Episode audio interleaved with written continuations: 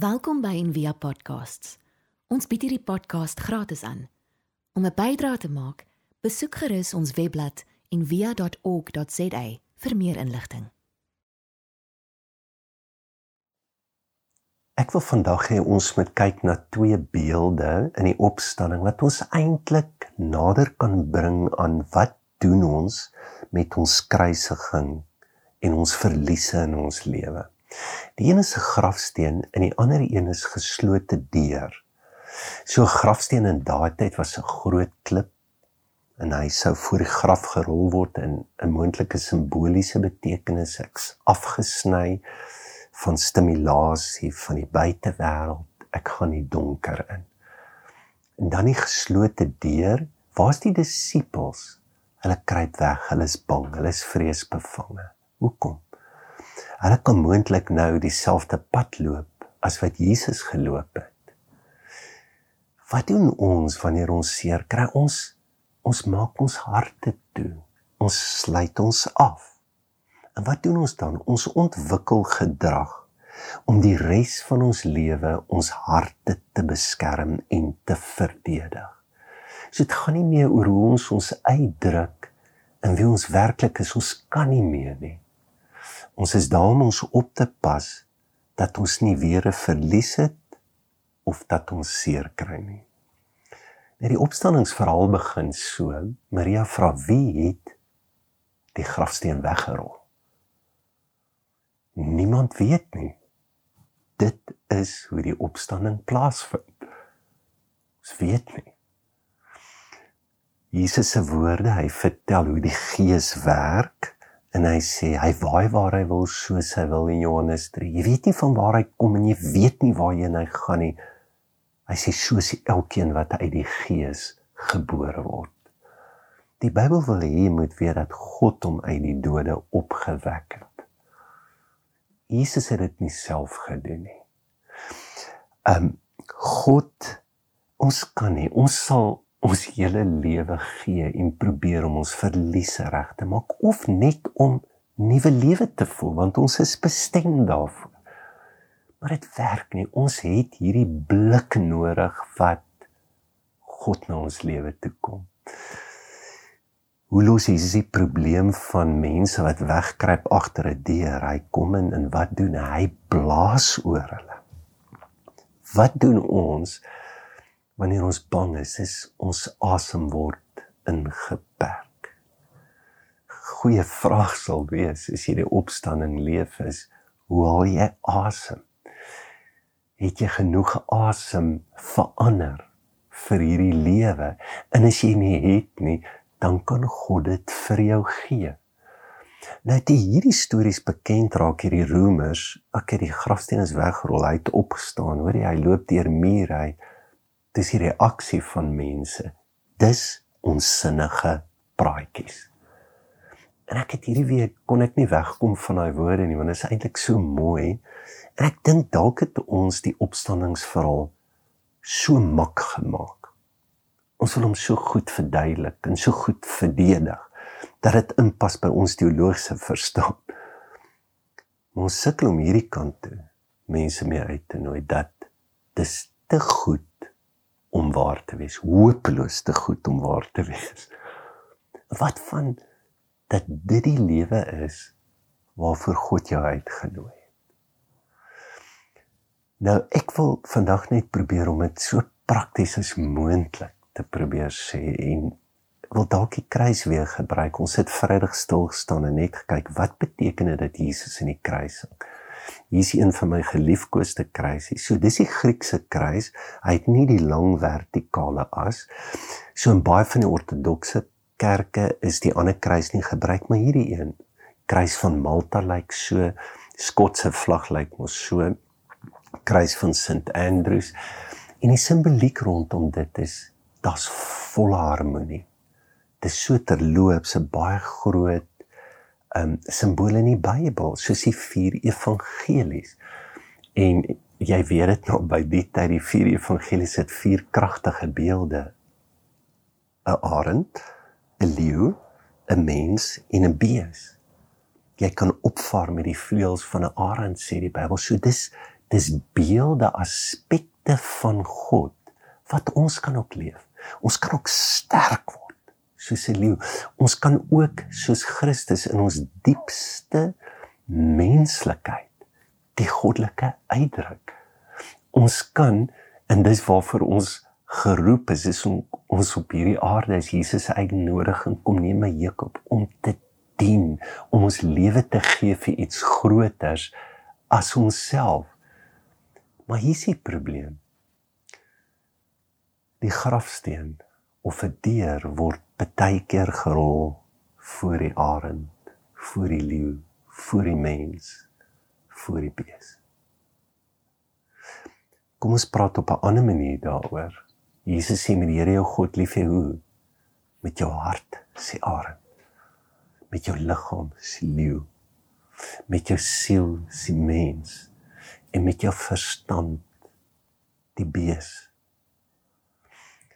En baie keer verloor ons dit. As 'n Jood vir jou sê Shalom, dan sê hy dit beteken mag daar harmonie, mag daar vrede, mag jou liggaam, mag jou siel, mag jou gees, mag jou denke nou bymekaar kom.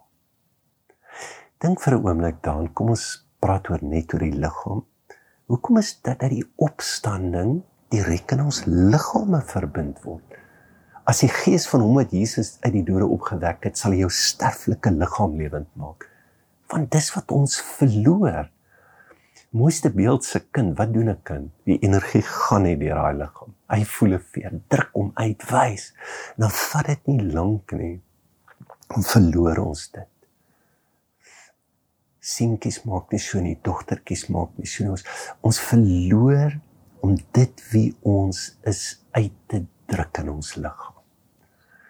En hoe moet hierdie uitdrukking lyk? Daar's baie beelde in die Bybel, bruid en die bruidegom en baie skrywers het die mees intiemste verhouding tussen 'n man en 'n vrou wat die Bybel ook gebruik, 'n vorm van ekstase, die uitdrukking van God en ons God lief hê is ten eerste diep liggaamlik. En ek dink dis hoekom Paulus sê gee jou liggaam. Dis die eerste belangrikste ding net 'n paar gedagtes dalk oor 'n sielsaspek. Het jy gesien hoe wonderlik is dit as jy droom en ons almal droom? Onthou Nelson Mandela wat gesê daar's een ding wat hulle nie kon wegvat van my. Dit was 'n droom wat ek elke dag gehad het in die tronk. Ek sien 'n nuwe land, ek sien 'n nuwe manier van lewe van mense. Jy sien dat jy nooit klein is in daardie drome nie. En dit gebeur dat daar ook net grafsteen opkom. Ek is dalk te bang of ek het probeer en ons verloor hierdie ongelooflike gawe wat God het van ampere onsinnigheid wat deur die opstanding in ons gegee kan word deur weer te verbeel, te dink, te droom, te kan glo. Selfs met jou denke ek is ook so dat val maar altyd terug op 'n sekere patroon van ons lewe. Dit is soos autopilot. Dit is soos 'n grammofoon wat vashak. Wat van is daar hulp vir jou nodig is en beskikbaar is vir jou dat God daardie grammofoon kan breek en dat jy kan luister en kan hoor en kan sien en kan verstaan wat net God in jou lewe kan gee dat daar diep nuwe gedagtes. En dan die laaste ding, jou hart. Besef jy die kapasiteit wat jou hart het om goed te kan vashou, te kan dra?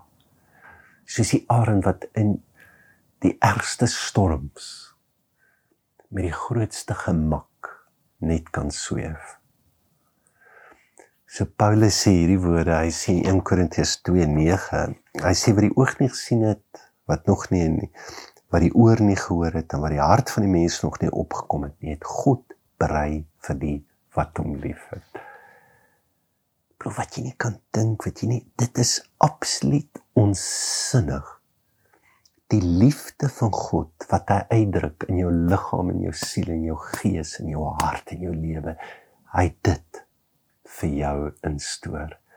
So Paulus leen hy Jesaja uit en dis Jesaja se voorspelling as die Messias kom en sê hy en kyk ek skep 'n nuwe hemel en ek skep 'n nuwe aarde en aan die vorige dinge sal nie gedink word en hulle sal in hulle harte nie opkom nie.